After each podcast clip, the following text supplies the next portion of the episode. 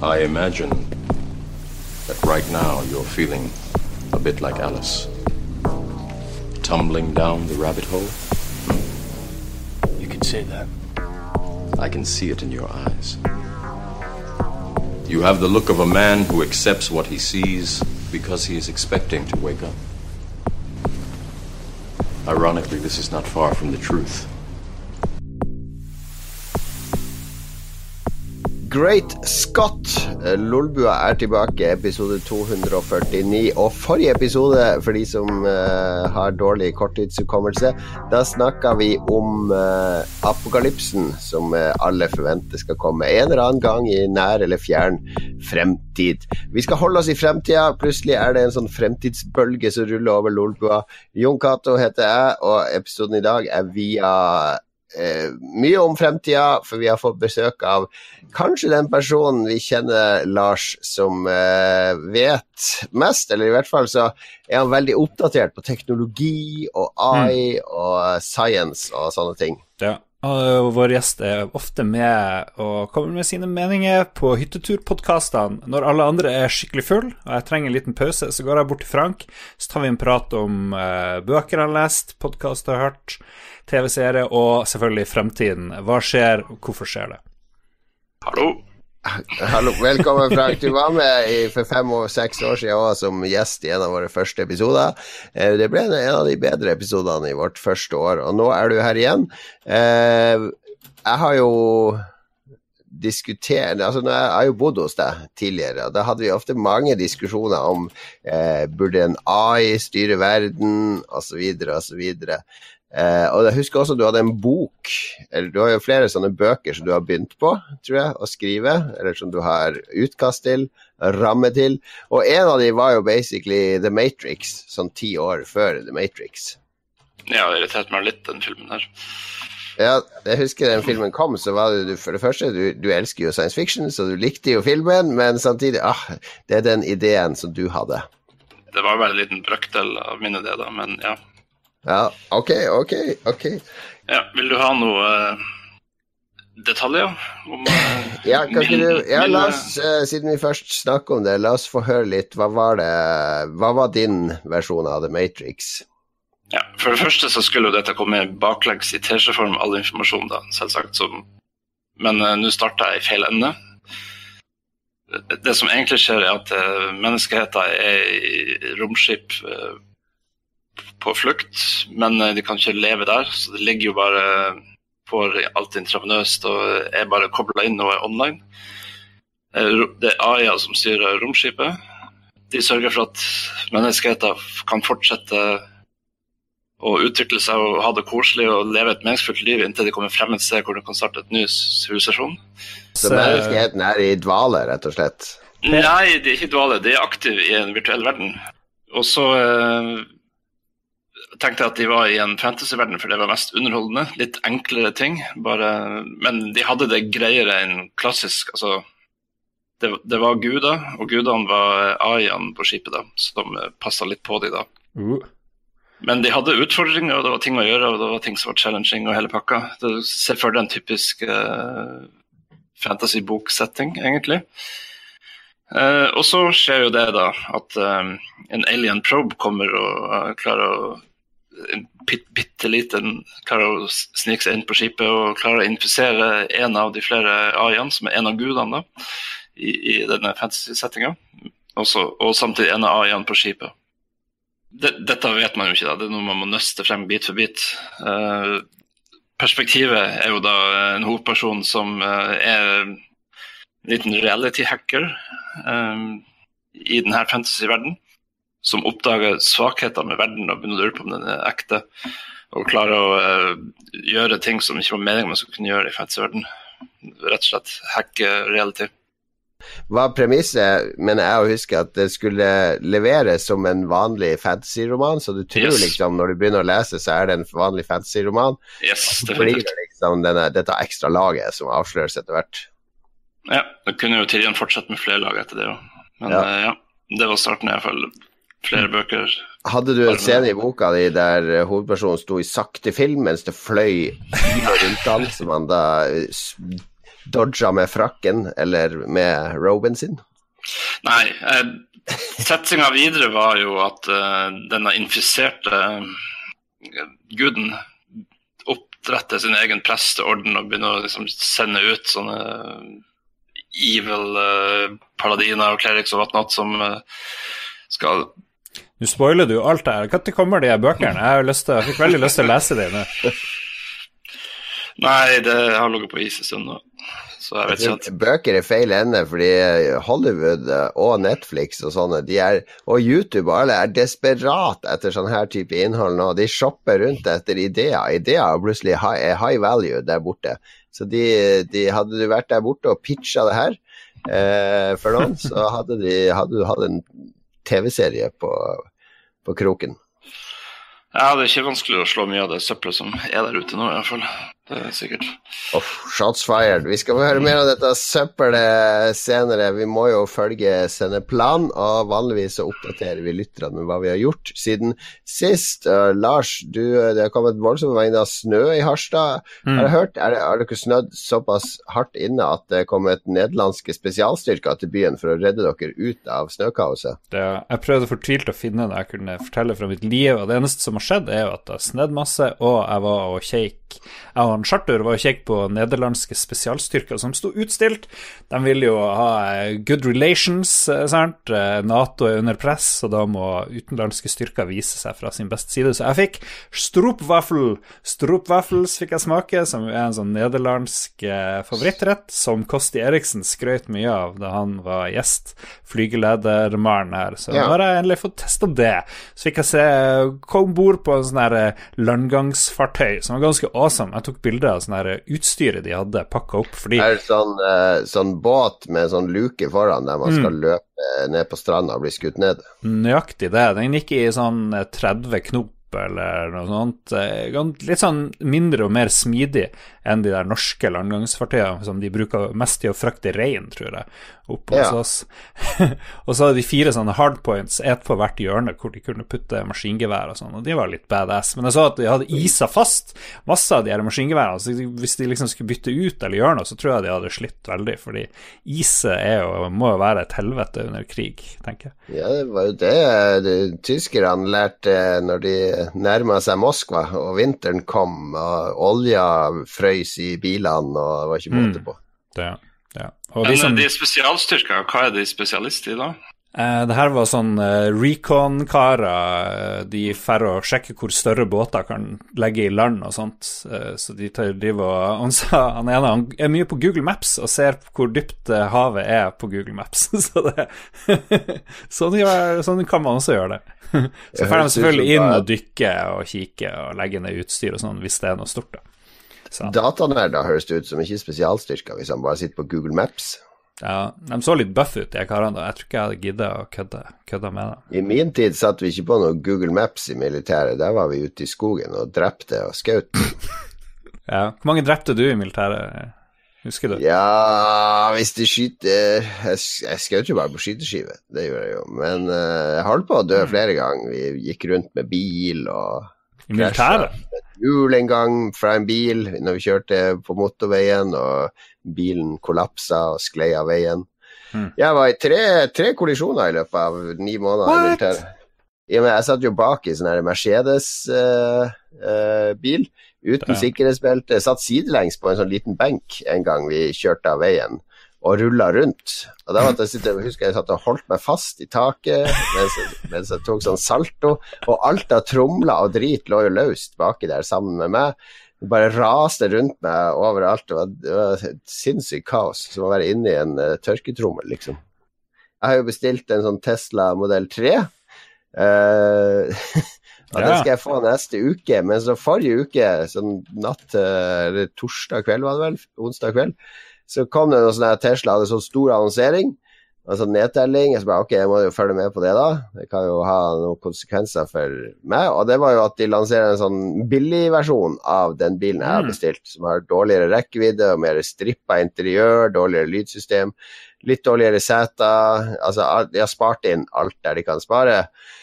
For da, Den bilen har en startpris på 35 000 dollar i USA, altså du kan få den for 35 000 dollar. Som vil tilsvare 350 000 i Norge. Uh, som er ganske rimelig for en uh, såpass sprek elbil. Ja. Men de endra også prispakkene til den bilen jeg hadde bestilt. da. Så mm. at min bil ender jo opp med å bli egentlig nesten 40 000 kroner billigere. Oi, oi, oi. Går for samme konfigureringa. Det er jo ikke jeg, bare jeg som har bestilt bil, det er jo sånn 4000 nordmenn som sitter og venter på de bilene. Så på det elbilforum.no, Tesla 3-undertråden der, der var det aldri sett så mye aktivitet på et forum noen gang med folk som var hysteriske og livredde. Og hva skjer nå, hva skjer nå, hva skjer nå, hva skjer nå, hva skjer nå, hva, hva skjer med min bestilling? Og så alle de, Det vel, var vel 300 eller 400 som har fått bilen sin allerede. Som har betalt og fått bil, og så får de plutselig beskjed om at nå er den verdt 40 000 mindre. Så bare sånn hva, hva, hva, Jeg skal levere tilbake. Angrerett, angrefrist, bla, bla, bla. Uh, altså, jeg blir, jeg blir jo grepet litt av hele den der uh, stormen rundt det, da. Men jeg orka jo ikke å ringe til Tesla. Sånn. Det var jo tusen stykk som satt i telefonkø til Tesla fredag morgen, og alle de la ut hva de fikk informasjon om og sånn. Så mm. egentlig så går det opp i opp, fordi jeg får, sånn, jeg får den mest avanserte autopiloten nå. Altså den som skal bli såkalt fully self-driving eh, i fremtida. Men uh, det er jo mange skeptikere som mener at vi snakker 20 år i fremtida. Ja, Self-driving, det høres ut som uh, fantasi. Ikke ti måneder. Ja, men vi har eksperten her, så vi kan få et svar senere på self-driving. Det gleder jeg meg. Vi må notere. Er det noen som noterer det? Alle ja, jeg skriver opp. Men liksom, sånn som det snedde her Det snedde konstant fra jeg våkna til jeg dro fra jobb. Bilene de drev jo og kom seg jo ingen vei. Du, det er jo ikke noe AI som klarer det der, så jeg stiller meg meget skeptisk. Nei, den funker jo ikke i snø heller, den, den det, er jo, det er jo sånn autostyring nå på motorveier som funker mm. veldig bra. Så lenge det ikke er snø, så lenge det ikke er drit på veibanen som dekker de mm. eh, så, så Tesla fungerer bare halve året i Norge, egentlig, da. Ja, ja, i hvert fall i Nord-Norge.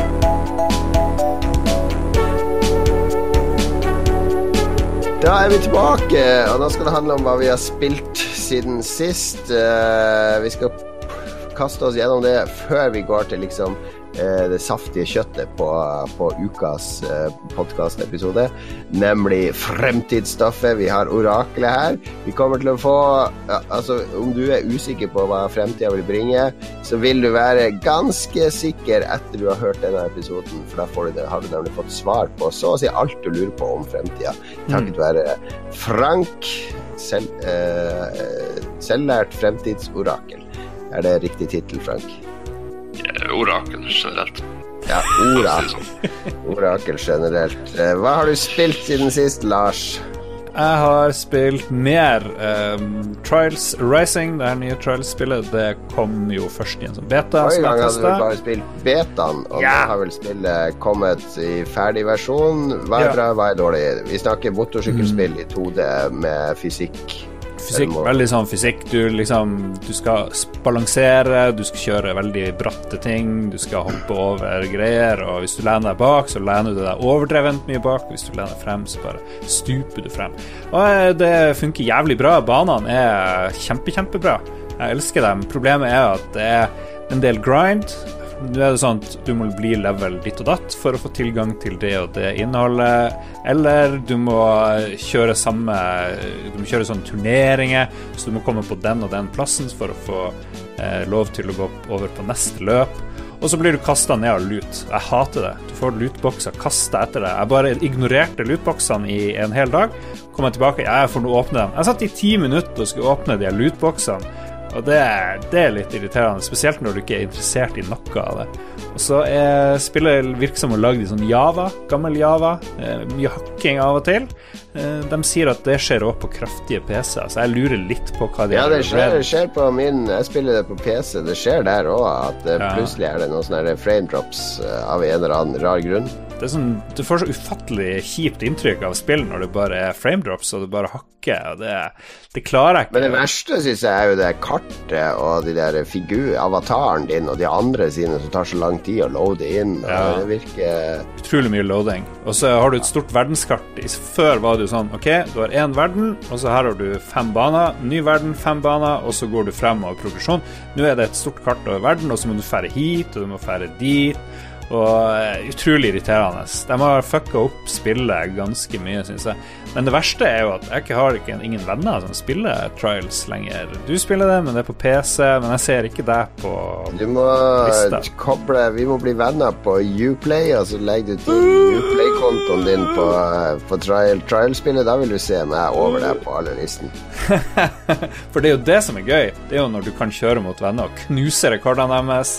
Det er jo, det er jo, det, det er jo derfor jeg spiller det. ikke sant? Veldig mye morsomme baner. Er du ikke enig i det? Banene er Jo, de banene er jo morsomme, men ramma rundt er litt eh, herpa. Men de får mye kjeft for det, så kanskje, kanskje de fikser et litt bedre Ja, grensesnitt. ja, det er finlendere. Jeg trodde finlendere hadde sånne her ting under kontroll, men uh, Finlandske grensesnitt, hva, hvorfor tror du det? Altså, de kan mobilspillene Ja, ja. sine, de kan gjemme de eh, in-app-purchasene eh, eh, inn Ja. i hjertet ditt. jeg er sikker på at 50% av de her har jobba i Rovio og lært med å utvikle en av de her 3000 Angry Birds-klonene, som jo er ganske smooth.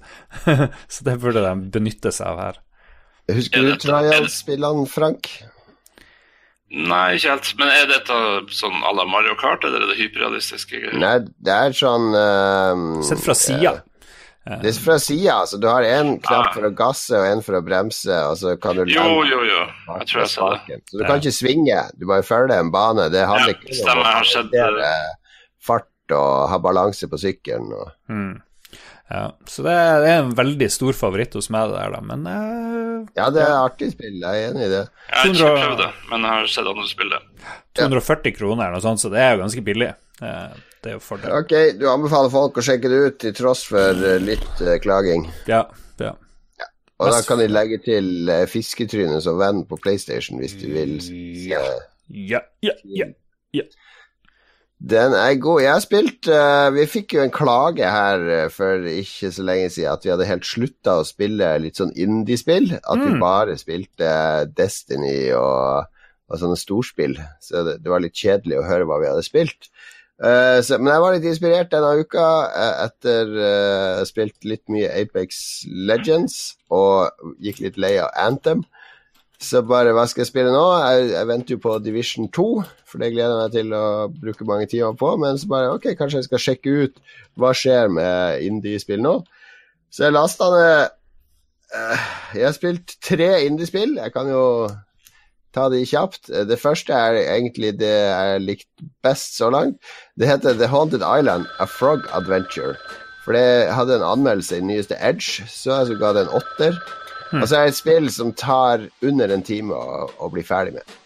Det er, det er et, et førstepersons uh, eventyrspill der du er en detektivfrosk som, som reiser ut til en liten øy, der, der uh, han som eier øya, mener at det spøker der. Det er komediespill. hele spillet er bare dialog og finne ting til folk som du skal gi til de, og så eh, blir de glade. Men det er vittig dialog. Det er mye artige ordspill. Det er veldig artig skrevet. Altså er den grafikken litt sånn naiv, sjarmerende. Det er veldig sånn håndtegna barne-3D-grafikk. Barnearbeid. Så Nei, ja, nei, men det, det er en sånn naiv strek. Det, det er ikke detaljert, men det er detaljert nok til at karakterene får litt særpreg. At du tror At du blir litt kjent med de og særhetene deres. Og så er det, var det akkurat lenge nok. Det er ikke noe sånn her eh, tull. Og en veldig sjarmerende slutt. Eh, Jeg var oppriktig glad når jeg var ferdig med det. Jeg tror jeg brukte 40 minutter på det.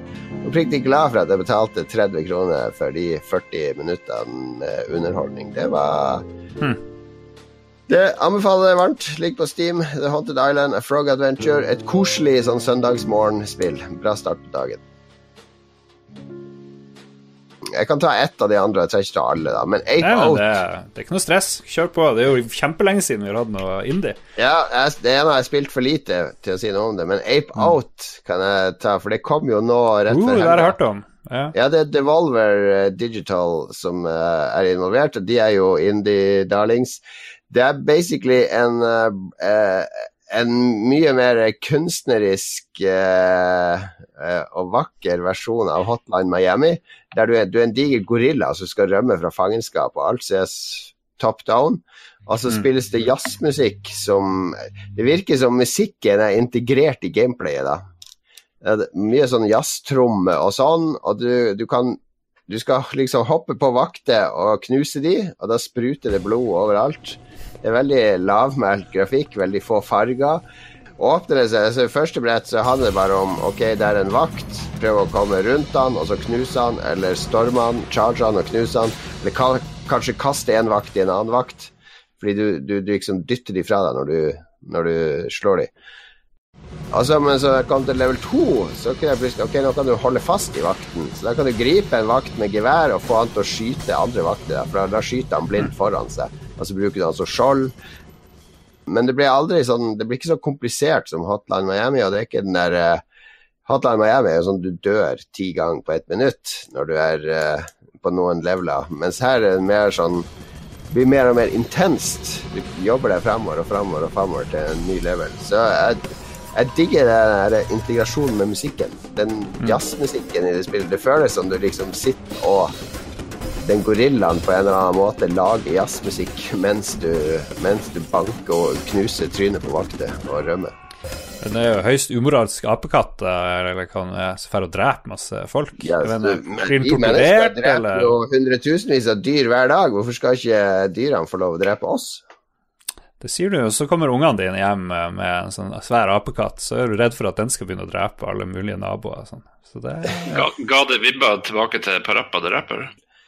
Eh, nei, det Bortsett fra at vi er et dyr her òg, så er det ikke så mye med det å gjøre. mm, Ape Escape tenkte jeg på, men det har Nei, sikkert heller nei, ingenting med det å gjøre. Ape Escape. Ape Out. nei, jeg tenkte på musikkintegrasjon med det. da. Ja, nei, nei, det er ikke Nei, Parapa the Rapper er mer at spillet er laga rundt musikken, mens her er det mer at musikken og spillet har et samspill. Eh, så det anbefaler jeg kjempevarmt. Ape Out og eh, The Haunted Island, A Frog Adventure. For, Sistnevnte koster vel 30 kroner, jeg husker ikke hva Ape Out koster, 100 eller 120 eller noe sånt. Uh, Ape Out tror jeg også du får på PlayStation og Switch, kanskje. Uh, ikke arrester meg hvis jeg tar feil. Arrester denne mannen. Ok, Frank, eh, jeg vet at du, vi har prøvd å få deg til å spille Apex Legends mange ganger, men du er null interessert. Ja, vil ha mer eh, samarbeid i spill. Eh, Det blir ikke mer samarbeid enn i Apex. Ja, jeg vil ha det litt mer større skala, litt, mer strategi. Eh, ja. Ok, Hva er det du spiller da i stedet for Apex? Det jeg har brukt mest tid på, uten tvil, er vel, som jeg har gjort det siste halvåret, egentlig, Squad. Som er litt oppi gata til Battlefield, bare mye mye mer realistisk. Uh, og det går litt på at man følger sin egen squad. Man er flere squads som samarbeider, men uh, det kan være liksom fra to til ti personer i en squad som går rundt og gjør sin, sine ting. Infiltrere en uh, fiendebase, Mm. ta over den, bygge egne baser som kan være strategisk basert, sette opp artilleri, forskjellige ting. Ja. Er det en sånn Um, MMO-aktig, er det alle players, eller er det Nei, det nærmeste er de gamle Battlefield-spillene. Det bare har en del features som de ikke har. Men så ikke noe fly og sånt, da. Bare på bakken. Det, det er ment å være fokus på infanteri, men du har tanks på noen brett. Altså Noen brett er ren infanteri, andre er liksom litt mer vehicles. Mm.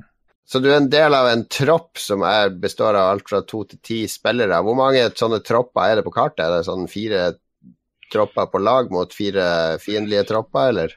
Ja, det er fem til ti tropper med opptil ti personer hver. Er typisk sånn eh, 80 mot 80 spillere. Og så kan man bygge, er det, det, det er jo det jeg hater mest i Fortnite, det er jo den kaotiske Nei, det er ikke å sånn, lage opp i lufta og sånn. Du, du bygger spawn-punkter der man kan starte, og så kan du bygge litt sånn maskingevær og artilleri og litt forskjellig. Og Ja. defense, selvsagt. Vegger. Og... Men det er ikke sånne her spill, altså når jeg spiller Men det er realistisk. Ja, ja, det er Apex Legends òg, herregud. Men når jeg spiller Apex Legends, så er det jo eh, Eh, hvis jeg spiller med randoms, så er det jo fort sånn at eh, Å nei, der er en som bare skal gå og gjøre sin greie. Da dør vi Mm. med en gang, fordi man må holde sammen. Og der er en som nekter å dele, osv. Så, videre, så blir det bare en dårlig opplevelse. Så tenker jeg, hvis du er på en tropp med ni randoms som da skal samarbeide og kommunisere. Ja, det kan være er det at du bare skrur av i frustrasjon, kontra du føler 'yes, troppen min er verdens beste'? Uh, man er sersjant for troppen sin og eh, bestemmer over de. Gjør ikke de som du sier, så kicker du de ut, og da står du der med bare Er du alltid sersjant? Nei, nei, nei. Det er, men det er mye stress. Du er som en barnehagetante iblant for å få folk Ja. til å gjøre det som er strategisk lurt, som du mener er strategisk lurt. Ofte er de uenige. Mm. Men uh, det er jo så mye rart man kan gjøre her. Man kan ha fake angrep fra en vinkel bare for å få alle folk er som sauer iblant. Da snur alle seg den veien, og så kan du bare storme frem fra motsatt side. Det, det er så mye forskjellige taktikker man kan gjøre når man har litt større skala. I Apex så er det jo bare eh, shoot them up. Du har skrevet Division 2-betaen òg her i sendeskjemaet. Frank, hva er dommen Yes. der? Fra Fremtidsoraklet? Ja, det virker som de har uh, fintuna det her med de klassiske DPS healer tank. Det er jo det Mhm. helt, helt standardiserte opplegget. Det, det var jo litt bitte grann av det i uh, Squad 1, men eh, det var jo alle for seg sjøl når det var noe eh, Hva skal jeg si I endgamet på, på eh, Division, så jo- var det ikke nok til at det ble noe Ja, i den i det Altså, det får ikke noe nyttig samarbeid. Uh, nye endgame kom, var ikke, gikk jo ikke betaen til det. Men, uh, men jeg kunne se i starten at de hadde mer rendyrka At det var mulighet for å ha droner som gikk rundt og reparerte armoren på folk. Altså heala det i praksis. På skillsene så har du den klassiske tredelinga der, iallfall. Ja. I større grad enn før. Så kanskje de kan få et bra endgame. Men ellers, selve spillet var dønn identisk. Ja, det er ganske likt. Ja. Bortsett fra at det er litt mindre stemning i Washington enn det var i New York, syns jeg. Det var litt kulere å gå på Times Square, og det var sne, sne Ja. som falt, og litt sånn en flamme i en tønne. Men vi har ikke fått se natt, tror jeg. Det var bare dag, egentlig. Ja, og så er det jo også noen av de forstedene til Washington skal du til, som ser ganske kule ut. Sånn sumpområder og sånn. Mm. Jeg vil ja, få vi noe annet enn bare by, da. Men vi burde jo få lurt eh, Franke over på en runde Apex Legends, eh, for det er jo Du likte Jeg husker eh, da jeg ble kjent med deg, så Eller liksom da vi bodde i lag i, på Lørenskog, så drev du og sprang som en gærning rundt i Quake og spilte sånne her sinnssyke kjappe Jo, kamper. men det var capture the flag. Da har du litt, iallfall bitte litt mer mening enn Last Man Standing. Last Man Standing er bare så kjedelig. Det er jo en ring som du skal følge. Det er jo masse taktikker i det. Ja. Altså, jeg spilte alle de spillene som hadde noe mer, som Enemy Territory, eh, Er det fordi du ikke Counter-Strike med bombe og gisler og Du liker egentlig ikke å drepe i spill, det må være en mål? Nei, jeg, vil ha mulighet for mer strategi enn bare å skyte, rett og slett. Og det, det føler jeg ikke sånn en Last Man Standing gir. Det, det handler bare om å skyte og ingenting annet. Det blir, det blir for lite intellektuelt, rett og slett. Ja, oh, ja, men ok. Det er, ja, og det er fair, fair assessment. For lite Apex Legends er for uintelligent, rett og slett. Det er for lite, for lite litterært, for lite Hemingway i Apex Legends. Hårabud, Hårabud når oraklet er Han har alltid rett, så det er ikke noe vits å protestere eller sende inn en hissig mail nå om at Frank eh, bare han spiller det litt, så kommer han til å like det. Eh, oraklet har talt. Og han skal tale mer nå. Vi har gått gjennom spillene vi har spilt. Trials Rising anbefales av Lars, til tross for litt irritasjonsmomenter. The Haunted Island, A Frog Adventure på Steam og Ape Out, som fås både på Steam og et par konsoller, eh, anbefales av meg. Og eh, Frank vil gjerne ha eh, litt eh, intelligente spillere inn i squad. Litt intellektuelle spillere som har lest sin Dostojevskij og eh, Uh, The New Yorker. uh, kan joine ham i hans squad for litt intelligent krigføring.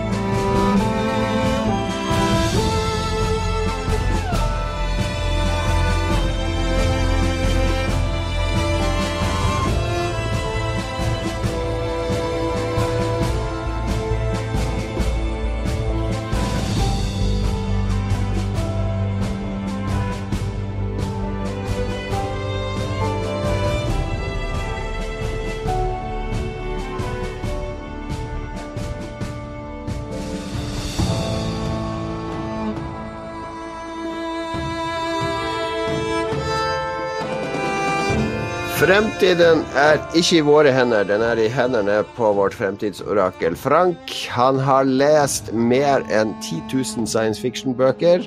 Eh, han har sett 100 000 science fiction-filmer, og han har skrevet 1 million science fiction-noveller. Fremtida er noe du kan, eh, Frank.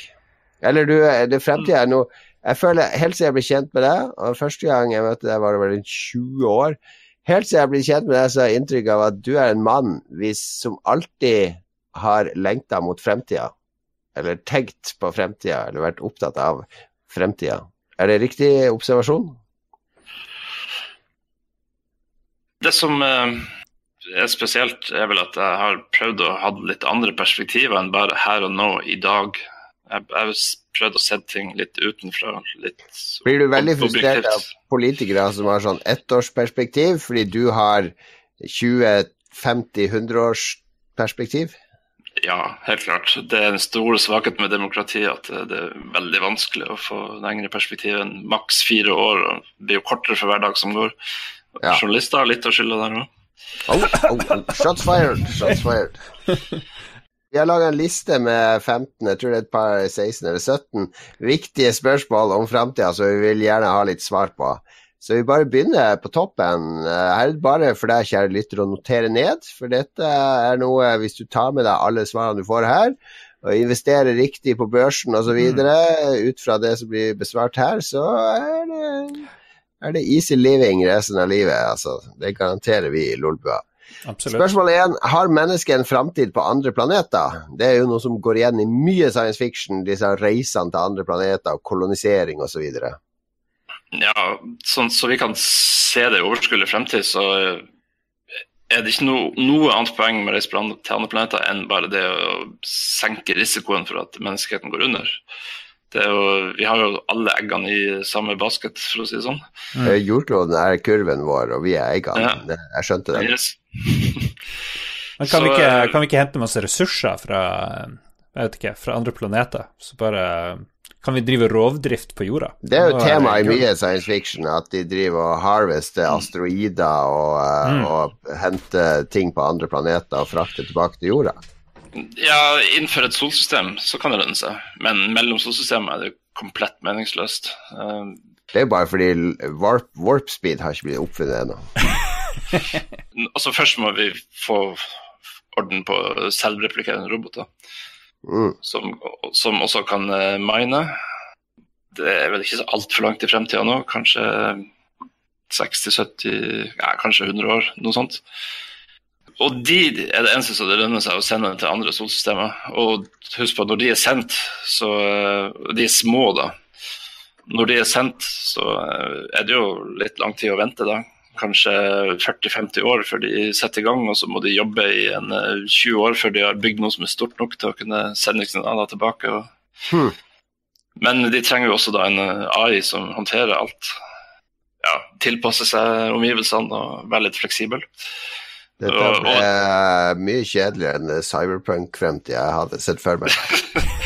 En, Ja, en nei, gruverobot som skal bygge en ny versjon av seg sjøl om 100 år.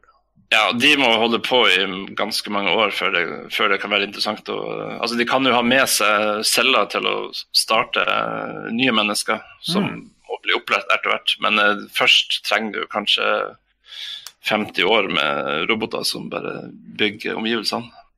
Ok.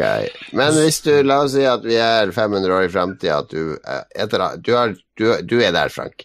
Og vi har kolonier nå på alle planetene i solsystemet. Vi har klart å bygge kolonier under domes, eller vi har uh, klart å gjøre atmosfæren på Mars puste. Men vi har én koloni på hver planet. Hva er din drømmeplanet? Hvor ville du ha flytta hvis du ikke skulle bo på jorda, men til en annen planet i solsystemet? Er varmen på Merkur som lokker deg, eller er det Nei, det er før nært sola er litt for skummelt. Eh, Ja. Magnetstormer og skitt. Uh, og så er det litt kjipt å være for langt, men uh, for sola blir jo bare en stjerne. Eh, Sett fra Jupiter uh, Ja. så er sola bare en liten prikk. Det er helt sprøtt, men eh, du får jo ikke noe varme eller noe. Nei, nei, nei. Du blir på jorda. Jeg, jeg, hører på deg. Mars kan gå, men ikke noe lenger Ja. enn det. Mars til nød. Ja. Hvis jobben sier det, hvis, hvis din arbeidsgiver krever at du flytter til Mars, så er det ok, greit. Der forhandler du litt bedre kontrakt. Mars er jo trygg også når eh, sola begynner å ekspandere, da. Er litt utfor. Da er det neste spørsmål, Lars. Ja, vi har ganske mye bra her. Eh, når og hvor oppdager vi intelligent liv som ikke stammer fra jorden? Eh, når du vil ha i år, eller hva som cirka? Ja, ja Ja, helst Orakelet kom med en spådom her. Nei, jeg tipper det er sånn ca. 200 år til. Eh, og eh, jeg tipper at eh, det blir noe så banalt som at vi kommer til en planet hvor det er helt simpelt biologisk liv. I, altså ikke intellektuelt, bare ikke ennå. Nei. Fordi- det er sånt liv Tenk bare på jorda her. Hvor lang tid det tok før menneskene eh, begynte å bli organisert. Det, vi snakker om milliarder av år. Eh, Fra bakterier dukker opp til eh, mennesker dukker opp. Så selvsagt er jo sjansen for at vi treffer på noe sånt ute i eh, verdensrommet ekstremt mye større enn at vi trenger intellektuelt liv. Hvor stor er sjansen for at vi kan ha sex med det her intelligente livet vi oppdager ute? Det er jo en plante vi har oppdaga. Ja, altså, ja, vi har jo trehuggers, da, så uh, sjansen er jo der. ja, men I Star Trek så er det hele tida mulighet for romantisk involvering i aliens, uh, har jeg sett. Ja, statistikken er dessverre litt sånn imot oss. eh, Men det er jo alltid en mulighet, da. Vi kan jo møte noe som er mer intellektuelt enn oss. Men uh, oddsen er bare imot det. Men er det så, la oss si, kan vi møte noe som er så mye mer intelligent enn oss at vi har null måter å kommunisere med, med disse skapningene? Altså, vi prater på to helt forskjellige Nei. Hvis de er mer intelligente enn oss, så klarer de å prate med oss. Men eh, vi har jo et lite problem, da. Fordi eh, vi har prøvd å prate med delfiner, f.eks. Som jo har samme gjenkapasitet som oss, egentlig. Kanskje mer. jeg, jeg Eh, Hvaler iallfall har mer, og elefanter har mer. Men vi har ikke klart å kommunisere noe fornuftig med det ennå, så jeg vet ikke helt. Hvordan spiller vi data om ti år? Altså, vi er opptatt av dataspill, og det skjer ting der hele tida. Nå er det jo VR som har vært det store nye. Eh, Hva om ti år, da? Åssen er det vi spiller da? Jeg er redd for at du må litt mer enn ti år. Må, må kanskje 20-25 år før vi begynner å få det som er virkelig spennende. Ti år er det nok mye det samme som nå. Neste spørsmål. eh, Kommer det en dag når alle mennesker har fri tilgang på helsetjenester?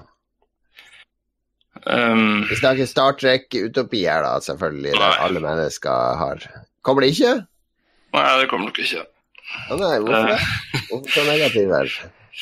Eh, fordi uh, ja, det er litt komplisert, men det har å gjøre med hvem som kontrollerer ressurser, og det går feil vei. Det går ikke den veien. Mm. Eh, det vil bli mer totalitært regime, det er det jeg mener. Og Ja. det, det, enk, enk, altså, det vil bli mindre demokrati. Vi går feil vei der òg. Og Ja. det enkelte mennesket vil ha mindre å si, og Men- mindre makt. Er det ønskelig med fri helsehjelp til alle, eller er det noe darwinistisk eh, bra med at uh, de ressurssvake får dårligere helsehjelp enn andre? Det er egentlig feil spørsmål. Det er ikke ønskelig at vi er så mange mennesker på jorda som vi er nå. Vi burde ned til eh, to milliarder, sånn cirka. Ja. Men det er jo ikke enkelt å gjøre. Det skjer ikke uten massiv krig og konflikt og epidemi. Men eh, det er ikke ønskelig at eh, vi skal fortsette som vi er, og i tillegg innføre uh, Altså, av humanistiske årsaker er det jo det, men jorda tåler det ikke, rett og slett. Vi, eh, det, vi, har jo, vi er jo inne i en mass extinction nå, som er like brutal som uh, når dinosaurene ble utrydda. Det dør like mye dyrearter nå som uh, når dinosaurene døde, i like stor grad. Og det er oss som er skylda. Hvis du går på Google Earth og bare blar litt rundt på planeten og titter, så ser du at nesten alt av eh, natur er jo dyrka mark, åkre, eller bebodd byer. Det er ikke det vi og- drømte om i Blade Runner? Alt skal bli tatt og industrialisert, og store skorsteiner som, som blåser ut ild og røyk. Ja, altså bare, bare se på og nattbilder av planeten nå. Det er jo lys overalt. Det er jo Ja. ikke blir mindre kriminalitet når man har lys om natta. Mm. For det er nemlig neste spørsmål. Kommer vi til å få slutt på all form for eh, kriminalitet i en fjern fremtid, og er det ønskelig? Uh, ja, vi kommer til å få slutt på det, fordi alt og alle blir overvåka hele tida. Og nei, og nei, det er ikke ønskelig. Dette henger sammen med det at eh, totalitære regimer kommer til å ta over. Det blir den som sitter på den riktige kryptonøkkelen for å kontrollere AI-en, med mindre AI-en tar kontroll, da, selvsagt, som sitter med all makta. Ja, Kina driver jo nå og loggfører absolutt alle. Det var jo sånne drudle millioner som ikke fikk lov å reise med tog og fly eh, i 2018 fordi de har for lav social score. Du får score etter hvor godt du behandler foreldrene dine, hvilke holdninger du har, osv. Så, videre. Så Ja, og ja. Dette eh, er populært hos andre totalitære regimer òg, så det kommer til å spre seg. Og eh, halve jorda minst er jo totalitære regimer per i dag. Så Halve jorda? Europa, hvis vi skal fokusere på Europa, så er det ikke så ekstremt ille, men det er en bølge av mer total... Altså, det, er en vridning mot mm. Jo da. Men nå motsier du deg sjøl, for tidligere så snakka du om eh, ulempene med demokrati, er at det blir så kort perspektiv på alt. Men fordelen med et totalitært regime er at da kan han sette i gang i hundreårsplanen sin. Eh, Ja, ja. Kina faktisk er jo i stand til å gjennomføre en del ting som demokratiske land aldri klarer. Men eh, de må jo ha en viss intellektuell intellekt for å gjøre det riktig òg, da. De har jo gjort store, altomfattende inngrep tidligere òg, Kina, der de f.eks. skulle utrydde fuglene som spiste på åkeren. Pø- Pøsa, pøsa på med gasser, utrydda de, og så kom det masse insekter, for ingen fugler til å spise lenger, så skulle de drepe de òg. Så drepte de alle biene, så måtte de gå rundt der sjøl og pollinere alle plantene sine. Det var hungersnød på hungersnød på hungersnød som resultat av disse store ja, inngrepene. Jeg føler jeg blir deprimert. Ja, det er skikkelig Hvis ikke The Man Hvis ikke The Man stilner denne podkasten, så må vi gjøre det sjøl her før vi tar selvmord. Nå er det Altså, orker du å leve, Frank, med, med så dystre spådommer? Hva er det som holder deg oppe i hverdagen?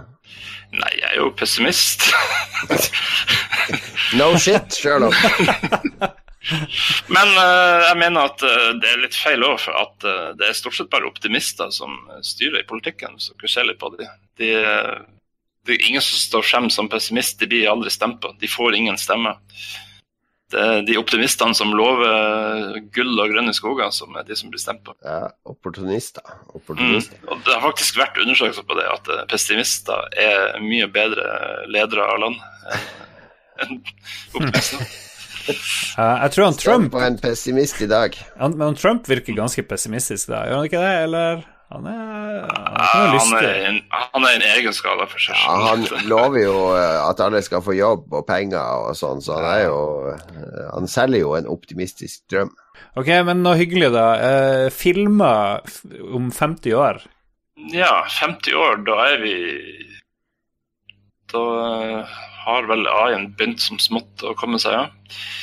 For det jeg ser frem til, er jo eh, at eh, på et tidspunkt vil jo eh, AI-en AI bli bedre enn mennesker til å lage film, og alt er bare datagenerert.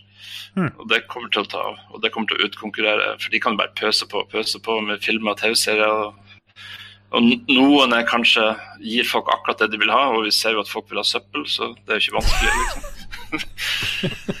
Ok. Men er det, det er jo ikke noe gøy når det ikke er noe avsender. Altså, hvis det, jeg vil jo at det skal være en avsender og en identitet. Det er jo det som er gøy med Kubrik og, og Coppola og Tarantino, at det er et filmspråk og eh, en eh, Du kan kjenne igjen skaperen i verket. Det Kan- kan emuleres og fakes. Ingen Jo, men det, blir- det, det, det kommer til å føles feil likevel. Altså, ah, jo, men de kommer jo til å komme med kallenavn for den fake regissøren som har sin egen stil. Så Mm. det vil fortsatt være liksom en regissør. Okay, men det, Selv- Selv det her klarte han å gjøre om til noe dritt. ja, så det blir sånn masse Men, liksom, her, eh, Hvis jeg ikke kommer på jobb i morgen, så er det fordi jeg har gått og ned men det jeg ser for meg, da, hvis det er AI-en som styrer filmene, så får jo alle hver sin personaliserte film. eh, Ja. Alle får sin Netflix med innhold kun for deg sjøl. Ja, men det blir jo sånn som sosiale medier er nå, at du blir aldri utfordra. Du blir bare servert ting som er tilpassa det du allerede liker, og så blir det bare mer og mer av det. Ja, det blir meningsløst, det blir det. Men uh, det er jo derfor også at spill kommer til å utkonkurrere uh, film etter hvert, fordi der har du interaksjon. Folk kommer til å egentlig bli lei av den passive Altså, De har lyst til å være med i filmen sjøl, Ja. rett og slett. Det er jo en eh, Jeg flytter litt på spørsmålet her, for det, det blir jo veldig naturlig nå å spørre hvordan pornoen kommer til å utvikle seg. Eh, hvis vi bare Et tiårsperspektiv og et 50-årsperspektiv på pornografi Hvis en AI kan generere filmer, så blir jo all pornografi blir jo drømmepornografi. Ja, eh, her, her har du vel det som først og fremst det som utvikler VR-headset, antar jeg. Eh, Jeg har, ikke, jeg har ikke prøvd det her sjøl, men, men Ja, er eh, her er det mye å hente på VR og den type ting. Og- etter hvert kanskje å få litt bedre interfacer som eh, kobler rett på nerver og forskjellig. Rett på penis og vagina. Blir, ja. Har du ikke sett Du har vel sett den derre Maniac? Har du det, sett den, eh, Frank? Der er det en sånn uh, morsom professor som uh, blir avbrutt. Må, han må hentes inn for å redde prosjektet fordi AI-en driver og går gal. Det her er jo midt i blinken for det. Og han her uh, professoren han er selvfølgelig midt oppi en sånn her enorm pornosession, så han kommer ut i, i inngangsdøra fordi det blir så mye banking og bråk, så han kommer ut med VR-headsetet på hodet og en sånn enorm boks på penis rundt livet. Så, så, så det, det er den fremtiden. Ja. Ja, nei, det er noenlunde obvious, vil jeg si. Ok. Så det, det, den er det mange som ser òg. Ja, det var Du klarte ikke å ødelegge pornoen, i hvert fall, så takk for det. Men uh, over til noe mer pessimistisk igjen. Hvor stor sjanse er det for atomkrig, eller at vi utsletter oss sjøl innen 50 år, f.eks.? Ja. Skal vi ta et eksempel, kanskje, der? Eh, Det er bare mange ser på ja, Nei, sjansen er vel kanskje 20% eller noe sånt. 20? Ok, jeg kan, jeg kan leve med de oddsene. Eh, hvis vi ser på eh, Nord-Korea, f.eks., så er Ja. ikke de interessert i å ødelegge verden. Det her er jo bare spill for galleriet og pressmiddel på å virke gæren, sånn at de kan få betalt uh, for å late som de nå er litt mindre gærne og holde seg på matta og sånt. Det, det er jo bare det det handler om. Så faren her er jo bare terrorister, rett og slett. Som, eh, men de, de blir mer og mer overvåka for hver dag som går, så eh, sjansen for at de skaffer seg noe annet enn gamle sovjetiske atomvåpen, eh, er liten. Så det måtte være hvis de fikk lov i noen gamle sovjetiske våpen.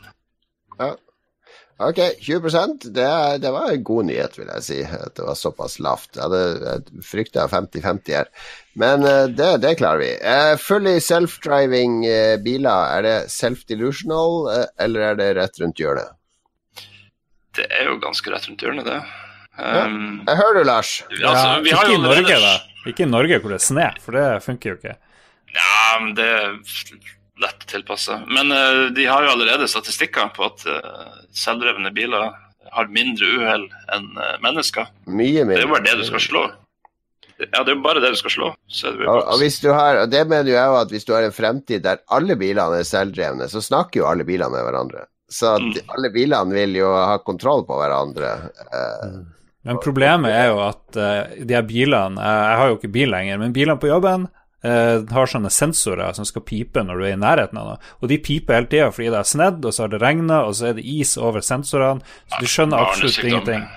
Er ikke barnesykdom, det kommer jo ikke til å slutte å regne og sne. Det kommer til å fortsette.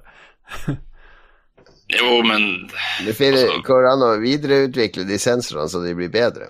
F.eks. Ja. at du har et varmeskjold rundt bilen som hele tida smelter snøen og, og, og, og fjerner vannet. Nei, altså, vi er jo helt i startfasen, men det, det løser software alt det her. Du trenger ikke noe mer sensorer. Vi har nok sensorer.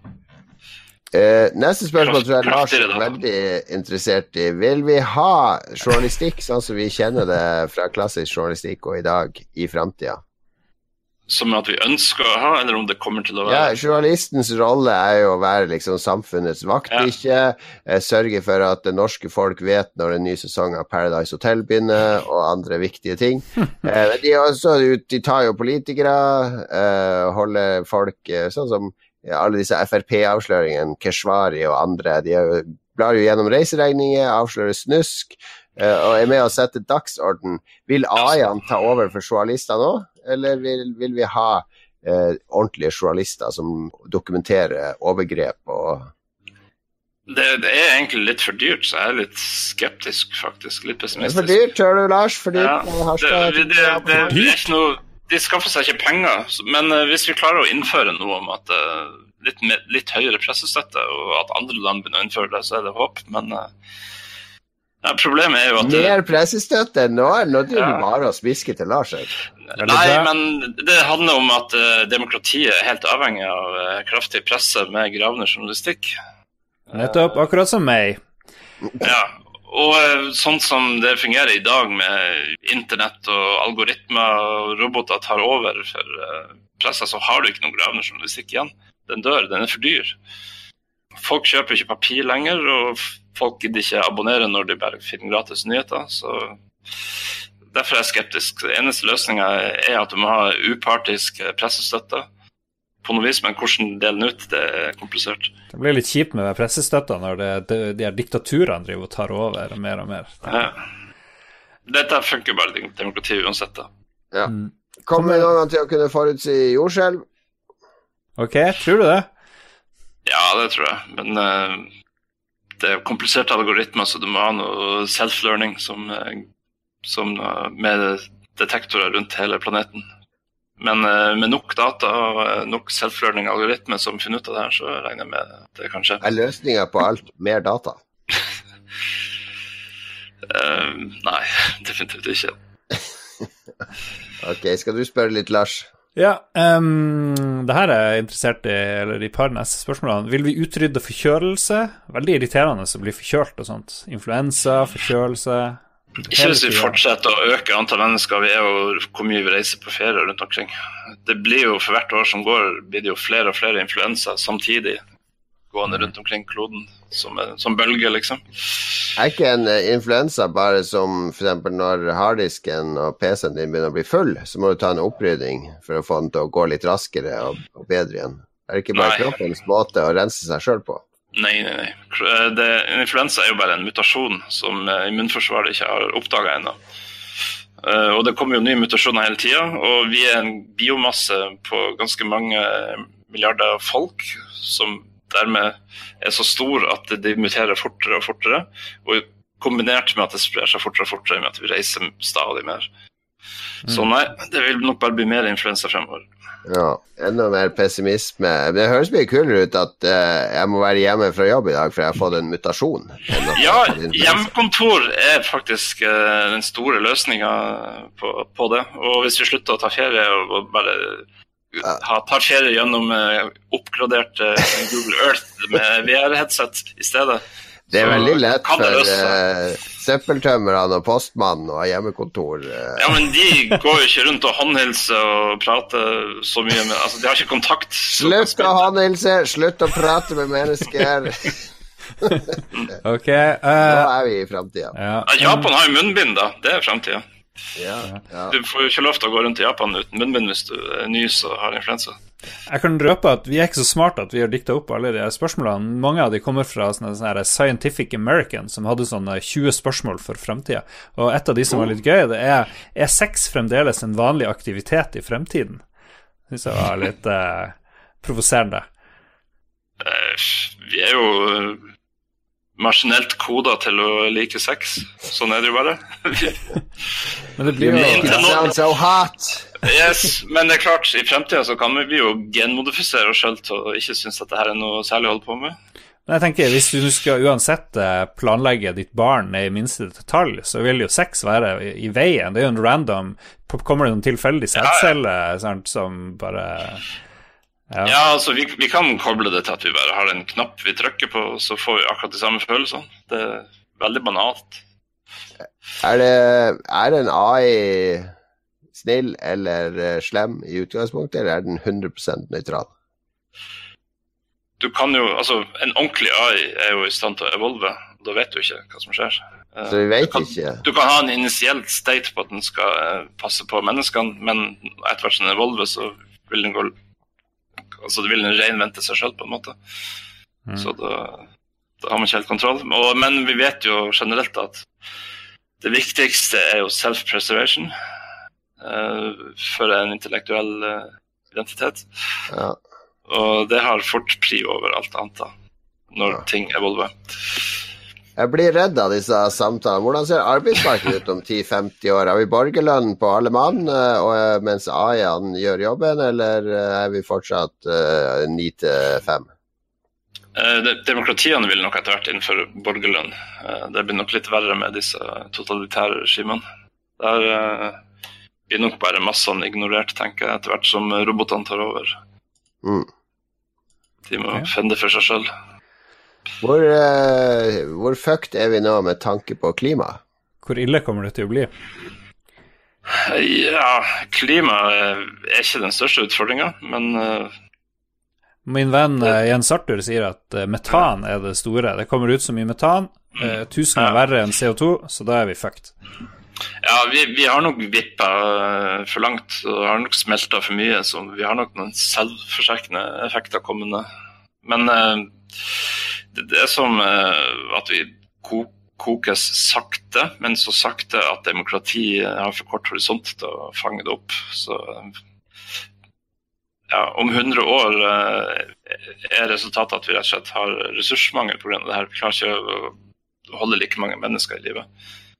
Vi, vi, kan håndtere det fint, men vi må bare tilpasse oss. og Det er bare nok ressurser på jorda pga. det her til å håndtere kanskje halvparten av i dag. Hm. Så krig og hungersnød, ja. Hvor fucked er vi med tanke på Kina, da? Uh, jeg mener, Vi hopper litt tilbake først. Okay. okay. Uh, klima er én ting, men det som ignoreres, er jo uh, stabilitet på biomasse. Det har igjen litt med extinction, som jeg snakka om i stad. Og forurensning. Vi har jo tråler havbunnene på kryss og tvers og kaster alt mulig søppel ut i havet. Havet er livets vugge på jorda, der vi kommer fra. Høres ut som Erik Bye. Ja, og dette eh, vil nok være mye verre for oss, eh, tenker jeg. Eh, når mm. alt, alt dør av surstoffmangel og forgiftninger, og, og plankton dør, ja, ja. og vi ikke får oksygen lenger det er nok litt verre enn at det blir to grader varmere. Jeg liker at vi bare sitter og sier ja ja. Mm, ja. ja. ja. Og dette, dette, kan komme fortere enn de to grader nå. Ok. Ja, du, vet vi, du, vet jo hva vi sier i Nord-Norge, Frank. Hva skulle vi gjort uten uh, båtene? Skulle vi, nei, uten nei. havet? Skulle vi Skulle vi båret båtene? Altså, vi skulle vært færre. Det er så enkelt. Ja, okay. Vi slutta å snakke om overbefolkning på 80-tallet av en eller annen grunn. Det var bare ikke politisk korrekt. Men uh, vi mm. var allerede på grensen av hvor mange vi kunne være på 80-tallet. Og så har vi bare blitt flere. Og vi kommer ikke til å stoppe før vi har 10 milliarder, med mindre det blir noe krig og hungersnød før det. Ja, men er ikke, er ikke du teknologioptimist? Nå kan vi jo eh, lage kjøtt i laboratoriet og sånn eh, driver de og gjør nå. Kan vi ikke bare lage mat til alle i framtida? Jo da, vi kan det, men det går fortsatt på bekostning Altså, det blir jo mer industri. Eh, og det går igjen på bekostning av at vi forgifter havet og jordsmonnet og dreper bakteriene i jordsmonnet. Ja. Det, det, vi kan løse det på kort sikt, men det blir som gaffa for å løse det. Ok, vi må videre. Vi har litt for mange spørsmål, tror jeg. To spørsmål til skal du få. Hvilken teknologiske fremskritt gleder du deg mest til? Og uh, Ja, det blir vel uh, VR-headset med uh, Med porno? Med direkte brain interface. Oh. Vi, altså en datajack? Nei, men det blir liksom litt mer immersion. Uh, hvis vi i tillegg klarer å kontrollere balanseevnen vår og slippe den der, at man blir kvalm og sånt, ja. så kan det bli bra VR ut av det. Så du, du gleder, det, det teknologiske du gleder deg mest til, er den som lar deg flykte fra aldritten? Uh, ja, egentlig, ja. Men uh, faktisk så uh, vil det lønne seg. Vi, jorda har jo godt av at vi sitter med datamaskinene våre istedenfor å farte ut og forbruke ressurser i større grad. Altså, det, det, det, er jo en du anbefaler flest mulig til å bli hjemme, ikke dra på jobb? Ja, vær passiv, ikke smitt andre og uh, ikke brenn ved og i det hele tatt. Ikke bruk biler. Og... Til slutt, 20% sjanse for at vi utsletter oss sjøl innen 50 år. Uh, hvor stor det er sjanse for at uh, en AI innen 100 år har tatt over styringa av planeten. Um, 85. Oi, oi, oi, oi, oi. Ah, hva vi skal kalle AI-en? Altså, Til å begynne med vil vi ønske at AI-en tar over, for vi vil innse at vi er dritt til å styre planeten. Ja. Men, Så er spørsmålet hvordan A1 evolver deretter. ja. men vi har jo veldig få valg da når A1 har tatt over, men vi kan gi den et navn, da. Og det, der tenker jeg du kan få lov å gi A1 eh, sitt fremtidige navn. Du kan tenke på det, du trenger ikke bestemme Nei, det, det, det er jo obvious. Den må jo hete Gaia. Gaia, ok. Gaia skal ta over 85% sikkerhet. for denne innsikten. Vi har noen lyttere som lurer på ting, så jeg håper du har mer eh, kunnskap på lager, eh, Frank. Eh, Hva, føler du at Er det her sånn du sitter og snakker om i familieselskaper og sånn? Får du lov å prate med bare nevøene dine, f.eks.? Eller ikke sitte og prate med onkel Frank, jeg har de mareritt liksom, hver natt framover etter onkel Frank har fortalt dem om hva som venter de i fremtida. Det nærmeste jeg klarer å komme, er vel når jeg prater politikk med folk. Og eh, jeg føler at de er altfor innzooma på banale issues som ikke betyr en dritt, mens jeg liksom har litt mer utzooma ting. Så jeg prøver å pirke de i riktig retning, men det, det er det nærmeste jeg kommer.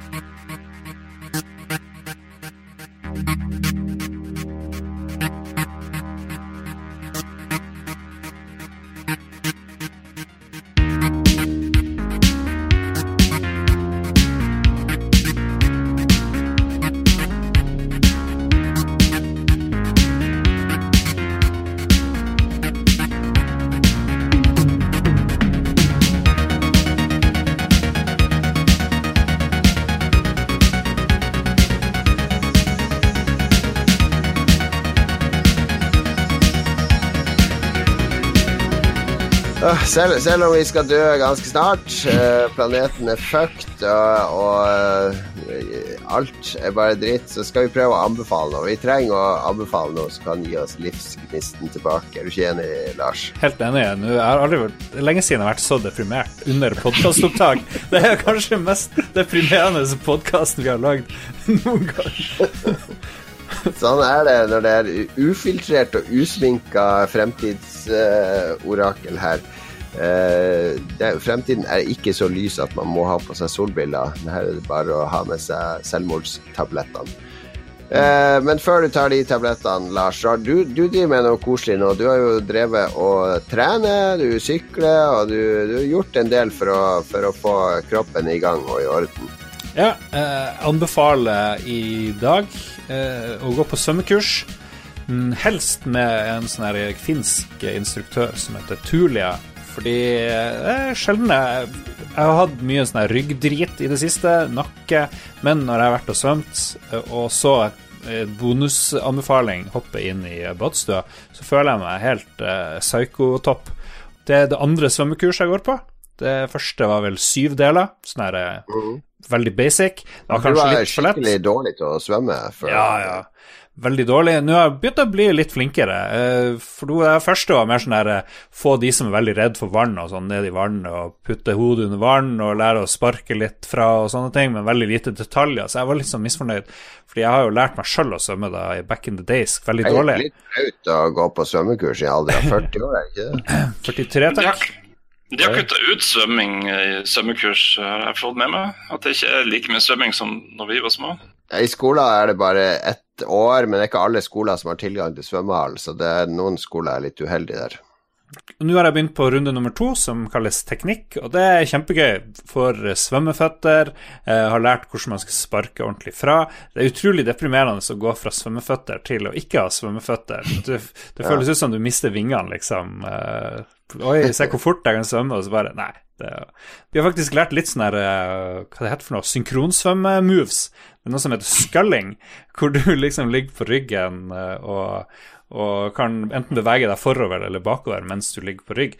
Og det du trener da, egentlig, det er jo liksom å ligge bra eh, med kroppen din på rygg, fordi eh, det er en forutsetning for å klare det sculling. Og samme måten du ligger på rygg der, er måten du skal ligge egentlig på eh, mage òg. Eh, du skal liksom stramme magemusklene på en spesiell måte og få en liksom bra kroppsholdning. Og det funker som fan. Dødsimponert over hun er eh, Tulia som driver og lærer oss. Så nå er jeg klar. Neste kurs det blir sånn crawlekurs, da, eh, som jeg skal på. Veldig gøy. Anbefales. Kjempegøy å lære noe nytt òg. Ja, mestring. Mestring er viktig. Mm, ja. Eh, Sunt, sunt òg. Du kan redde livet ditt og andre sitt Ja. eh. Svømmekurs, altså Kanskje vi endelig får den videoen der du skal svømme i Harstadfjorden. Altså, havet skal jo stige, så dette er bra. Ja. Klar for Waterworld. Eh, jeg vil anbefale um, eh, Jeg har nevnt før at jeg abonnerer jo på uh, New, eh, New Yorker. Eh, magasin som kommer hver uke. Det er ikke alltid at jeg leser det fra perm til perm. Ofte er det bare én, to, kanskje tre artikler. Det er jo ofte gode bokanbefalinger og sånne ting. Mm. Men eh, det er, jeg liker sånn, det er dybdejournalistikk. Men så altså, tok jeg opp et abonnement til nå i høst. Jeg er veldig glad i det her å få en sånn her greie i posten. Ja. Var det. New York Times, da, eller? Grunnen til at jeg abonnerer på disse tingene, jeg syns det er veldig hyggelig å få noe i postkassen jevnlig. Altså selvfølgelig Hvis du bestiller en bok fra Amazon eller en film, eller et eller annet, så går det jo og gleder deg til å få den i postkassen. Men det har ikke jeg råd eller tid til å gjøre hele tida. Men det å bare ha noe som kommer i postkassen jevnlig, og åpne postkassen bare, i stedet for å bare bli sur av den reklamen og Regningen, så er det sånn ah, åh, Nytt nummer av, av New Yorker. Så jeg har tatt opp abonnement på Mad Magazine. Eh, vi kjenner jo, De fleste kjenner vel til Mad, eh, gammelt blad som oppsto i USA tror jeg på slutten av 50-tallet, starten av 60-tallet. Eh, veldig sånn eh, banebrytende humormagasin da. Eh, veldig anarkistisk og, og mye galskap. Spåna mange fantastiske tegnere via det. Don Martin kjenner jo mange. Eh, Sergio Aragones. Eh, Al Jaffi osv. Eh, Hervey Kurtzman var vel med fra starten. Så det var et ikonisk magasin, og så ble det vel, sleit det vel en del på 80-90-tallet. Mens nå er det en OK gjeng med humorister som driver det bladet. Det kommer annenhver måned. Og det har mye Trump-vitsing. Eh, ganske mørk brodd i humoren av og til. Det er en sånn desperasjon der eh, i noe av den humoren. De hadde en, en sånn greie om skoleskytinger. Eh, Mm. Vanskelig å lage humor rundt det, men det gjorde de veldig, veldig bra. Veldig mektig eh, bra, Mm. eh, de tre sidene der om, om skoleskyting. Så hører jeg at Så- de har veldig mye bra i sånne her, eh, Muhammed-karakterer. Det har de sikkert masse av. Ja, jeg tror ikke de tør det. De er ikke så edgy som uh, Charlie Hebdo. uh, det er de nok ikke. Uh, men det, det er mye artig. Jeg, le, jeg leste siste nummer nå før, eh, før, tidligere i dag, og lo høyt flere ganger. Så jeg koser meg skikkelig når det kommer et nytt nummer av Mad i posten. Så jeg anbefaler et abonnement på Mad Magazine. Jeg tror det koster 800 kroner for uh, to år eller noe sånt med bladet. Så by the way, hvis dere liker tegneserier og sånt, så fikk jeg tips fra vår eh, tegneserieforfattervenn han eh, Styve. Hva er heter for noe? Han, eh, Jens K. Jens Styve. K. Styve. Bookdepository.com. Får du eh, bøker fra England uten frakt, sykt billig. Så hvis dere vil ha noe i tillegg til Mad Magazine uh, jevnlig. Eh, Franke, hva har du lyst til å anbefale? Eh, For de som føler at de har lest alt innenfor science fiction og fantasy, så anbefaler jeg Mm. uh, det er Cradle-serien. Uh, Finn den på Amazon. En bok, det finnes sikkert i bokhandler, eh, og du finner den på Audible. Uh, skrevet av Will White, som jeg antar er et synonym. Det er vel ingen som heter Will White. Eh, alle våre lyttere som heter Will White, driver nå og blir veldig lei. Så bok seks kom nettopp, og inntil bok fem er på Audible. Og eh, for å si litt om det, da, så eh, det er litt sånn Vuxia-stil over det her. Oh. Men det er skrevet av en amerikaner, men han har valgt den sjangeren. Det er bare rett og slett helt annerledes fantasy med litt andre fokus. Og, Ok, ja, hvordan litt, da? andre, litt andre settinger. Men i tillegg så har han lagd den kjempekule settinga. Der det er vill blanding av masse syke ting innenfor fantasy og science fiction. Ok. Um, science fiction er i bakgrunnen igjen, sånn som det skal være. Altså, man tror man lever i en fancy verden, men det er liksom ting i bakgrunnen. Jeg Jeg skjønner. vil ikke, jeg vil, jeg ikke spoile for mye, for det, er- man bør oppdage det sånn som det er ment, med teskje her og te- teskje der, og så skal man connecte dots sjøl.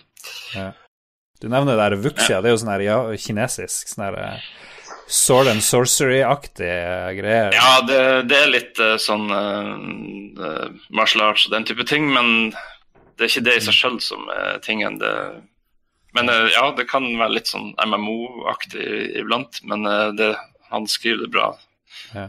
Finn, finn hytteturpodkasten våre, for der er det mye Vuxia-anbefalinger fra, fra deg, Frank, tror jeg. Det er mulig jeg nevnte den der òg, faktisk, men ja.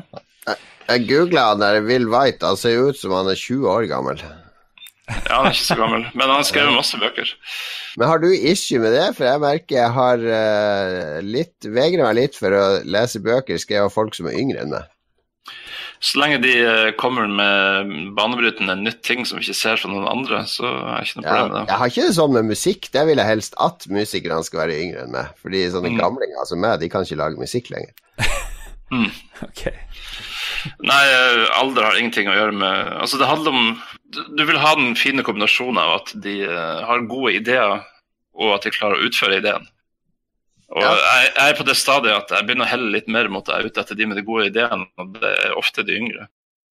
Ok, ok. ok. Vi har tre ting vi har anbefalt nå, eh, som skal gi deg litt varme i hverdagen. Ta opp et abonnement på Mad Magazine, så får du annenhver måned en skikkelig artig og fin dag når du kan legge deg på sofaen og lese nye Mad. Eh, det er på tide å jobbe med sommerkroppen og et svømmekurs er anbefalt av Lars. Spesielt hvis du finner en finne som heter Tulia, som kan mm. betale deg for å eh, Eller så du kan betale for å lære å svømme. Eh, det vil du være tryggere på stranda i sommer, og det vil gjøre underverker for rygg og skuldre og svømmestil. Og til slutt, Cradle-bokserien til Will White. Ikke Will Wright, som lagde SimCity, men Will White. Eh, seks bøker er ute i serien. God, spenstig, ny eh, fantasy-serie. Det er anbefalt av vår, eh, vårt orakel, Frank. Ok, vi har lytterspalte nå. Har vi holdt på lenge? Har, vi, har du noen høydepunkter fra lytterne denne gangen? Lars? Ja, ja, ja, ja, ja, Jeg sa jo at Frank kunne svare på absolutt alt, så vi har litt sånn eh, både litt hummer og kanari Pluss jeg ba folk spå hvordan er fremtida egentlig, så vi kan jo bare mose på. Eh, Terjofanten, som jeg mistenker er bror til Frank, lurer på hva er fremtidas energikilde. Og det, Du kommer jo fra en elektrikerbransjefamilie, så det er vel derfor han er meget interessert i det her. Vi har vært like rundt hjørnet på Cold Fusion ganske lenge nå. Eh, alle har sagt hvert år de siste 30 årene at det kommer om 30 år. Jeg må egentlig bare hive meg på bølga og si at ja, det kommer om 30 år. Men okay. uh, jo, da tar nok det litt over når det kommer. Um, I mellomtida så regner jeg med at solenergi uh, tar stadig mer av, for det er mye å hente der. Kanskje ikke så mye i Norge, men resten av planeten. Mm. Han eh, Kenneth uh, Drageid han frykter for at fremtida blir en dårlig blanding av Blade Runner og Ghost in the Shell, med massive konglomerater og så sånne dommere som cruiser rundt på motorsykler i gaten mens de bare vilkårlig deler ut harde dommer. Uh, men han håper også at uh, innen da så har Elon Musk sin Neuralink utvikla fete hjerneimplantater så vi kan koble oss opp og leve i utopien The World 2.0 mens vi får mat via intravenøst uh, Soylent Green. Her har du en meningsfelle. Ja, det her er bra. En eneste er at judgesene er jo da droner og AI. Ja. Ellers er det ganske bra. Mm. Vår eh, egen Ståle Baldvinsson hadde en lang liste av shit han lurer på. Jeg har korta det litt ned. Um, han lurer på hva du spår om eh, Trump og Nord-Korea sånn på kort sikt. da Får vi noe deal før han Trump eh, blir sparka ut? Oh, ja, ja. Vi får masse papirer undertegna som de kommer til å vifte med i pressa, og sånt, men det kommer ikke til å skje en dritt. Hmm. På det tidspunktet hvor de ikke får nok bistandspenger for å ikke ha hungersnød, så kommer de til å rasle med sablene igjen og true med atomkrig, og det er tilbake der igjen. Altså det, det, det, det handler bare om eh, ressurser for å vedlikeholde det totalitære regimet. Ja, ja. Han eh, Ståle han lurer også på eh, om han Elon Musk kommer til å lykkes med det her SpaceX-greiene. Han vil vel ha oss til Mars, er vel det han planlegger.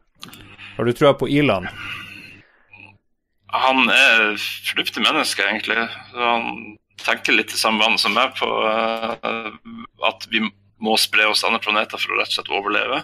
Han, han har lange horisonter i sine tankeeksperimenter og det han uttaler seg om i pressa. Mm. Mye, mye lenger enn jevne politikere, iallfall. Uh, men når man kommer til å klare det, det er vanskelig. Han fikk jo ganske mye penger uh, fra Det var PayPal, var det ikke? Ja. Som han har investert uh, på veldig bra vis i fremtidsretta teknologier. Uh, han kan gå konken nå av at har litt uhell. Altså uhell kan skje, så blir forsikring dyrt. Tesla kan bli utkonkurrert av Volkswagen, som plutselig putter alle pengene sine inn. Eller i, nå skal de bare ha elbiler. Ja. Eh, også han Elon Musk er jo kjent for å ha den eh, teorien om at vi lever i en simulering. Eh, i en, lever i en AI. Uh, du, er du enig? Er du fremdeles enig? Jeg syns jeg husker du sa at eh, Jeg, jeg, altså Ingen kan være 100 noen vei, men eh, at det er en mulighet, helt klart. Det, det er til og med teorier på at eh, det, du trenger ikke et helt univers for å simulere et helt univers. Du, Ja. Altså Du trenger bare en milliard, milliardedel for å klare å simulere all informasjon som er i universet. Det er litt spesielt, men det, det har med matematikk å gjøre. Så det er teoretisk mulig. Ok.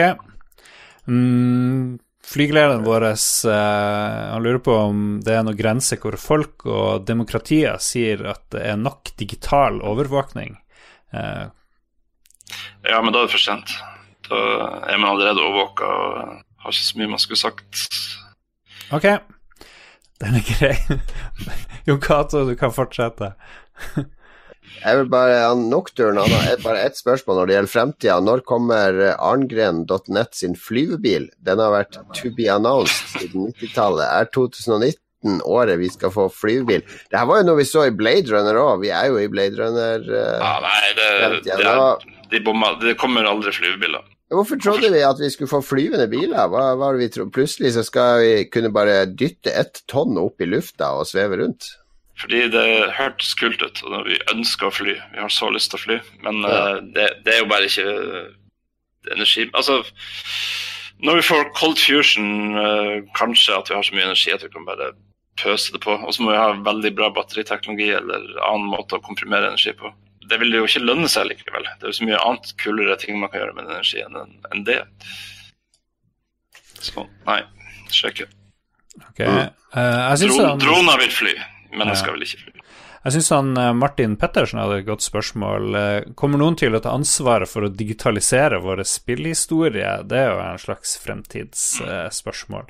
Kommer jo sant, Steam kommer jo ikke til å vare forever. Ingen selskaper varer evig. Men hvordan skal vi ta backup av Steam? Du må jo kjøpe alle spillene da. Ja, nei, jeg vet ikke. Det, er- det er jo litt trist. Plutselig Plutselig går Steam hvelv konkurs, og hva skjer med alle spillene våre? De tusen spillene våre? Det er vel noen som jobber med disse tingene allerede, vil jeg tro. Ja da, det er masse Men- men- spill preservation-foreninger. Men det er sikkert på 80- og 90-tallet nå. De ligger vel alltid noen Ja, det er litt forskjellig. Det er for eksempel Og så er det jo veldig store kulturforskjeller. Det er jo mange, mange spill i Japan som vi aldri har spilt, eller har hatt maskinvare til å spille i, i Europa eller USA. Så det er mange som gjør mye for å preservere ting i ulike land. Så jeg er ikke så bekymra for det. Men Jonas Røiseth har en interessant problemstilling. Eller han mener jo eller tenke når kan vi laste opp hjernen, eller oss sjøl, direkte opp i skyen, så at vi har en backup i tilfelle kroppen dør? Dette er jo sånn grenseland mellom mennesker og AI. Ja. Og hvis vi først skal laste hjernen opp i skyen, hvorfor vi ikke, kan vi ikke like godt leve fra skyen og så bare remote kontrolle kropper rundt omkring? Ja. Det er vel mer det som kommer til å skje. ja, for du mener det vil være unaturlig da at vi skal eh, laste den AI-en inn i en kropp? Eh, det er jo lett, ja. Ja, Mye enklere remote-kontroll enn det. Det her har jeg diskutert litt med deg før, og vi har snakka om teleporting. For du mener jo at det er jo helt idiotisk å flytte en masse atomer og molekyler fra én transporter til en annen. Du må jo heller kopiere de. Ja, det er jo det du gjør. Du, en teleporter er jo noe som kopierer informasjon, så du gjenskaper akkurat de samme atomene, og så annihilerer du originalen. Men da må jo det som er deg, altså sjela di eller tankene dine, også bli duplisert. Det ja, det blir, ja, ja, det blir duplisert. Og så må du, hvis du skal ha en ekte teleporter, så må du drepe originalen etterpå. Det er her, er, her er rom for en veldig kul science fiction-serie. Det er jo den boka om Nikola Tesla, eh, som også ble en film med Hugh Jackman, handla jo om akkurat det. Det var en sånn tryllekunstner som hadde sånn mm. Fantastisk tryllekunst som egentlig var en duplikatormaskin. Altså, jo mer han gjorde den tryllekunsten, jo mer redusert ble kopien. Den ble etter hvert veldig utvanna. Mm. Så han ble liksom mindre og mindre av seg sjøl. Jeg ser for meg hvis vi får den her teleporteren, så blir det enorme problemer med det religiøse høyresida i uh, USA og sånt, hvor uh, man tar livet av seg sjøl hver gang man skal teleportere. Det blir sånn suicide-maskin. Mm. Nei, men uh, det, det, er jo ikke energimessig noe som kommer til å skje på millioner av år. Millioner av år til vi får teleporten. Herregud, ja. for en kjedelig fremtid. ja.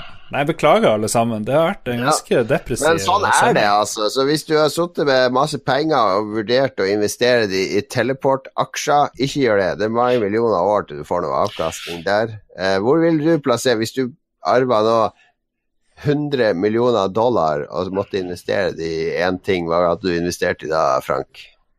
Og ikke for at du skal være en velgjører som skal skape en god fremtid, for at du skal tjene mest mulig penger. Um, Drona og AI primært, egentlig. Det, droner og AI er fremtida. Ja. Mm. I kombinasjonen, gjerne helst, da. Ikke laks og olje. Laks tror jeg er ok. Det har vært en bra uh, pengemaskin. Nei, det Spørs ja, bare om tallet blir det.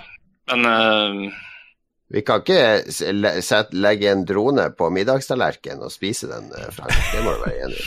Nei, det er sant, det. Eh, faktisk eh, en sikker måte å produsere mat på når jorda er fucked, er også bra. Så hvis du kan lage noe lukka system som bare trenger sollyset, og ellers ikke blir påvirka av forurensninga rundt seg, så, så, den type teknologi for å produsere mat vil nok også være noe som blir etterspurt. Men hvis vi har alle hjernene våre oppe i skyen, hva skal vi med mat? Det er også et godt poeng. Det... Mm. Ja, det er vanskelig denne investeringa, for det spørs hva hvordan fremtiden blir. Jeg trodde vi skulle ha svaret, men jeg er egentlig like forvirra som da vi starta episoden, Lars. Jeg er jo ganske mye mer deprimert, men eh, ja, droner er Deprimert, like forvirra. det går til helvete med yrket mitt. Journalistikkyrket går litt til helvete. Demokratiet er på tur ned. Klima ja, går til helvete. Bedre, eh, pornoen blir bedre. Det er liksom det eneste positive. Er, du må gi oss en positiv ting til slutt her, Frank. Hva er det vi kan glede oss til nå, eh, sånn, om ikke så altfor lenge, som gjør oss glad? Um, Min Tesla modell 3 vil gjøre meg glad i en dag eller to. Altså, ja, altså, okay ja, nei, det vil jo komme nye ting hele tida. Men uh, jeg tror ikke vi bør glede oss over en ny mobiltelefon, f.eks. Det, det må komme noe helt radikalt mm. nytt. Ja. Det er jo synd at han døde, han. Steve Jobs han kunne sikkert lagd noe helt supert nytt uh, vi hadde blitt glad for. Jeg håper egentlig det kommer et uh, nytt MMO som er noe nytt. For nå har det jo bare kommet World of Warcraft på nytt igjen og på nytt igjen og på nytt igjen de siste 20 årene. Mm. Så en radikalt nytt MMO Håper jeg Det vi skal glede oss til i framtida, et nytt MMO? Ja. Hvorfor ikke? Ja, det er jo Ja, men ja flyk, Det vi kan glede oss til i framtida, at det blir mer tilfredsstillende flykt fra virkeligheten. Ja. Tror jeg vi kan ja, Men folkens, glem alt det her. Lær å svømme bedre. Det gjør det virkelig. svømme, les Mad Magazine, uh, fantasybøker og Framtida får det bare bli det det blir. Ja. Uh, men uh, ta vare på hverandre og naturen, tror jeg vi kan si. Eh, vi må si takk til produsentene våre, TTMXMP, Kobrakar8476, husker ikke, og Rolf Helge Øvergård Ingebrigtsen. Og så kom det nettopp ut en helt ny Roffelbua, den må dere høre. Vi stack-ranker, vi rangerer og lager en liste over alt som er kult i verden. Uh, mye forskjellige ting. Knut Arild Hareide, Potetgirl. Uh, mye Monkey sex. Island. Monkey Island. Kurt Russell uh, blir, arrangerer vi, og uh, alle seks som er i redaksjonen fast i, uh, i Lolbua, er med. Uh, utrolig morsomt. Gå til vår Patrion-side, patrion.com for å vite mer. Vi skal følge opp alle spådommene og se hvor mye av det du spådde i år, som har skjedd om et år. Ett år er jo litt kort horisont. Hvert tiende år, kanskje. Ja, ti år, Om ti år så skal du være med igjen, Frank. Da skal vi følge opp alt det. Tenk det, da er du 60 år. Eh, vi er jo fem, 55 der omkring, Lars. Det Ja, blir, det, Lolbua episode 900, eller noe sånt. ja, ja, blir noe sånt. Blir noe sånt. um, Ok, vi ses igjen om ti år. Uh, hvis, vi, hvis vi er i live, da. 20 80% sjanse for at vi, at vi har besøk av deg om ti år. Ha det bra!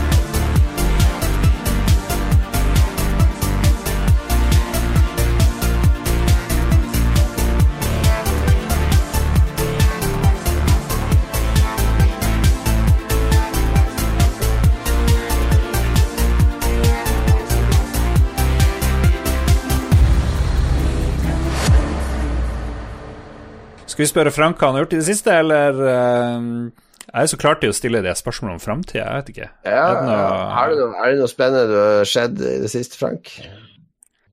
Jo, jeg har spilt eh, Folklore siden sist, eh, som er Gloomhaven Light, kan du si. Ok, Vi snakker brettspill nå. Ja, Ja. og det er litt morsomt, men eh, Det er ikke alle som vet hva Gloomhaven er. Hva er det? Er det sånn der eh, litt sånn Dungeons and Dragons gjort om til et brettspill? ja, det er jo en hybrid, da. Så det er jo Altså, det er ikke rollespilling i det hele tatt, for så vidt, men eh, det er dungeon crawling eh, i en sammenhengende kampanje på ja, kanskje 50 spill eller noe sånt. Kanskje 40. Det er litt mindre enn Gloomhaven, iallfall. Uh, der du har karakterer som blir grades bedre og finne eller miste utstyr. og Mm. Stadig oppgradere seg og finne tøffere og tøffere challenges. Det er inspirert av Gloomhaven, da, kanskje? Nei, det kom vel samtidig, så det tror jeg ikke. Okay. Det fins et par Dissent og sånne typer spill. Det er jo en egen undersjanger, men Gloomhaven var vel en av de som Mm. jo, var veldig sånn velprodusert og om, mer Ja. omfattende regelsystem enn de fleste. Og den gjorde ting bedre enn de andre alternativene, egentlig- det egentlig virket det som.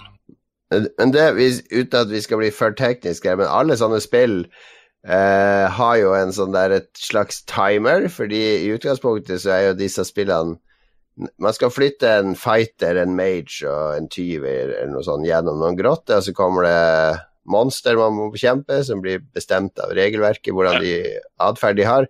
Men problemet med sånne spill ofte er jo at en, en innebygd feil i de at hvis du bare går kjempesakte fremover hele tida, så har du liksom uh, Du får full kontroll hele tida, hvis du skjønner hva jeg mener. Så alle sånne spill jeg har spilt, har enten sånn at du må klare det på ti runder, eller sånn som Gloomhaven, så slipper du opp for kort, og da kollapser karakteren din.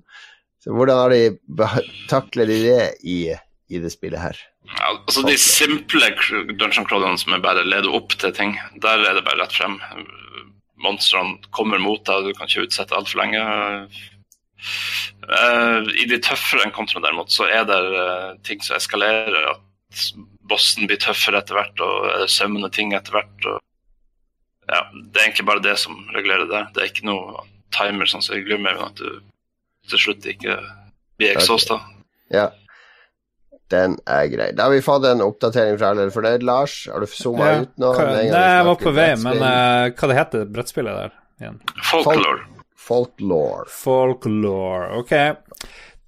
Angrer litt på at vi spurte hva Frank har gjort i det siste, men greit.